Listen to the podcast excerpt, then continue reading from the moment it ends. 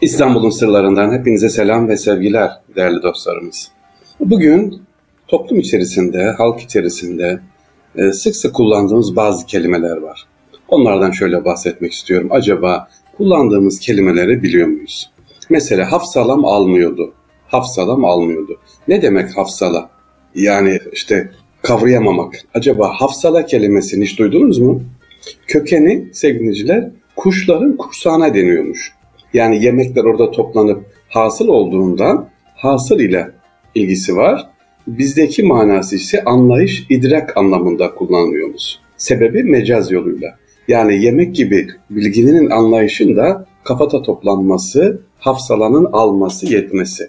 Anlayabildik mi sevgiliciler? Evet, ilk kelimemiz demek ki hafsalaymış. Sonra sevgiliciler bazı ke kullandığımız kelimeler içerisinde mesela kerime. Kerimem geldi, kerimemiz bizde gibi kullanıyoruz. Kerime Osmanlı'da kız evladı için kullanılır. Kerim, cömert ve asil gibi anlamlara geliyorsa da burada daha çok kıymetli anlamında. Yani kız evladı göz bebeği mesabesinde olduğu için ve üzerine çok titrenildiği için kerime denilmiş kız evladı. Nadide kelimesi de aynı bunun gibi. Na, na, dide. Na ve görülmüş anlamındaki dide birleşiyor. Nadide misli görülmemiş. Yani e, sevgiliciler nadide demek misli görülmemiş anlamına geliyor. Görülmüş anlamındaki dide nada ter aldığı zaman misli görülmemiş, benzeri yok anlamına geliyor. İki kelimenin birleşimi. Gençler bilir mi bilmiyorum ama düçar olmak deyimi var. Düçar. Ne demek acaba? İki dört demektir. İki dört. İki gözün bir anda biriyle karşılaşması haline diyoruz. Düçar. Dü ve dört anlamında. CH çar birleşimi gibi.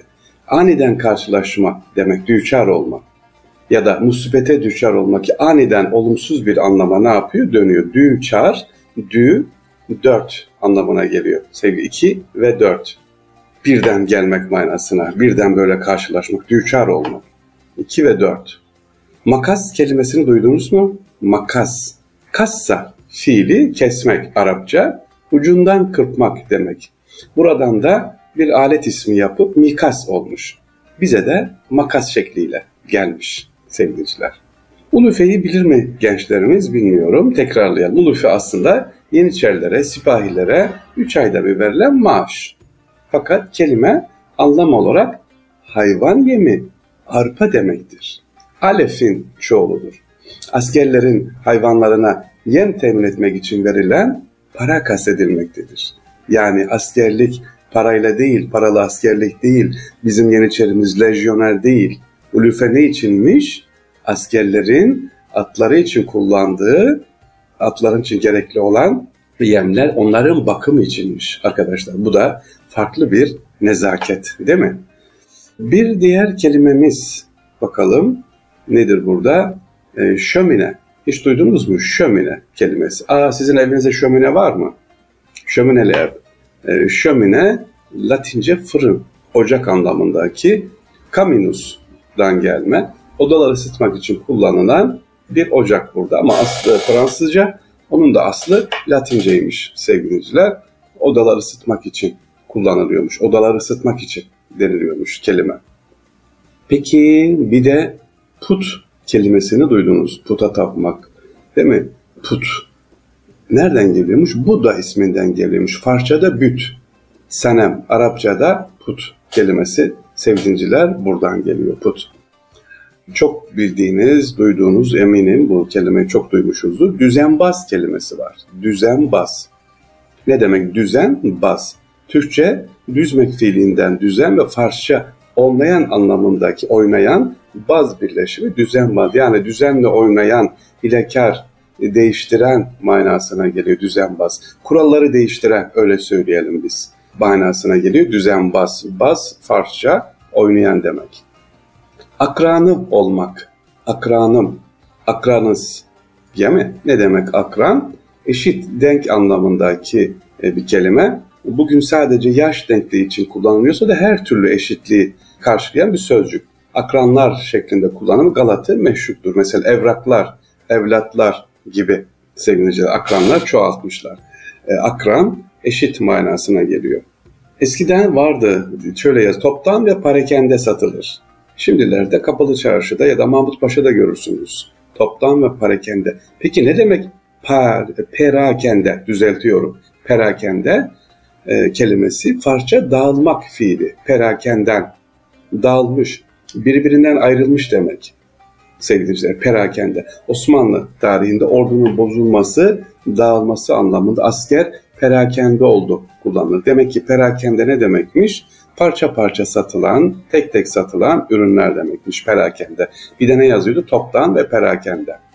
Sevgiliciler kaba bir kelime var. Nedir o? Moruk diyorlar ya argoda moruk. Moruk acaba ne demek? Ermenice sakal anlamında. Argoda yaşlı ihtiyar demek. Evet moruk, hey moruk sakal anlamında. Yargoda yaşlı ihtiyar anlamında kullanılıyor. Bizim de argoda kullanılıyor tabii e, moruk deyince. Sakallı dememiz gerekirken Ermenice söyleymiş. Biz kaba bir tabirle kullanıyoruz moruk diye. Demin kerime demiştim sevgiliciler. Şimdi de mahdum kelimesine geldik. Mahdum ne demek? Bilenler var mı? Mahdumum. Benim üç mahdumum var. Ya da işte atıyorum e, filan e, Ahmet ve mahdumları diye geçer. Erkek çocuğu için kullanılan bir tabir. Anlamı kendisine hizmet edilen demek. Ya mahdumum derken onlara hizmet edilen. Arapçada patron içinde mahdum ifadesi kullanılır. Osmanlı'da tam tersi olarak çocuğa hizmetten ziyade çocuk annesine babasına hizmet ederdi, hürmet de ederdi. Anlaşıldık mı? Mahmud ne demekmiş? Erkek çocuğu ama kelime manası açtığımız zaman kendisine hizmet edilen demekmiş sevgili Filinta gibi delikanlı diyoruz. Filinta. Ne demekmiş filinta? Bir silah çeşidi. Almanca çakmak taşı anlamındaki filinte sözcüğünden çakmaklı silaha deniyor. Filinta gibi tabiri de buradan deyimleşmiş boylu postlu delikanlı anlamında. Üf, çok şamata çıkardılar. Dışarıda şamata var kelimesi. Şamata ne demekmiş? Şematet kelimesinden geliyor sevgili dincilerimiz. Sözcüğün gerçek anlamı ise şematet, alay etme, başkasının başına gelen kötü bir şeyi sevinmek iken bizde değişmiş gürültü patırtı anlamını kazanmış. Gırgır şamata tabiri de buradan geliyor.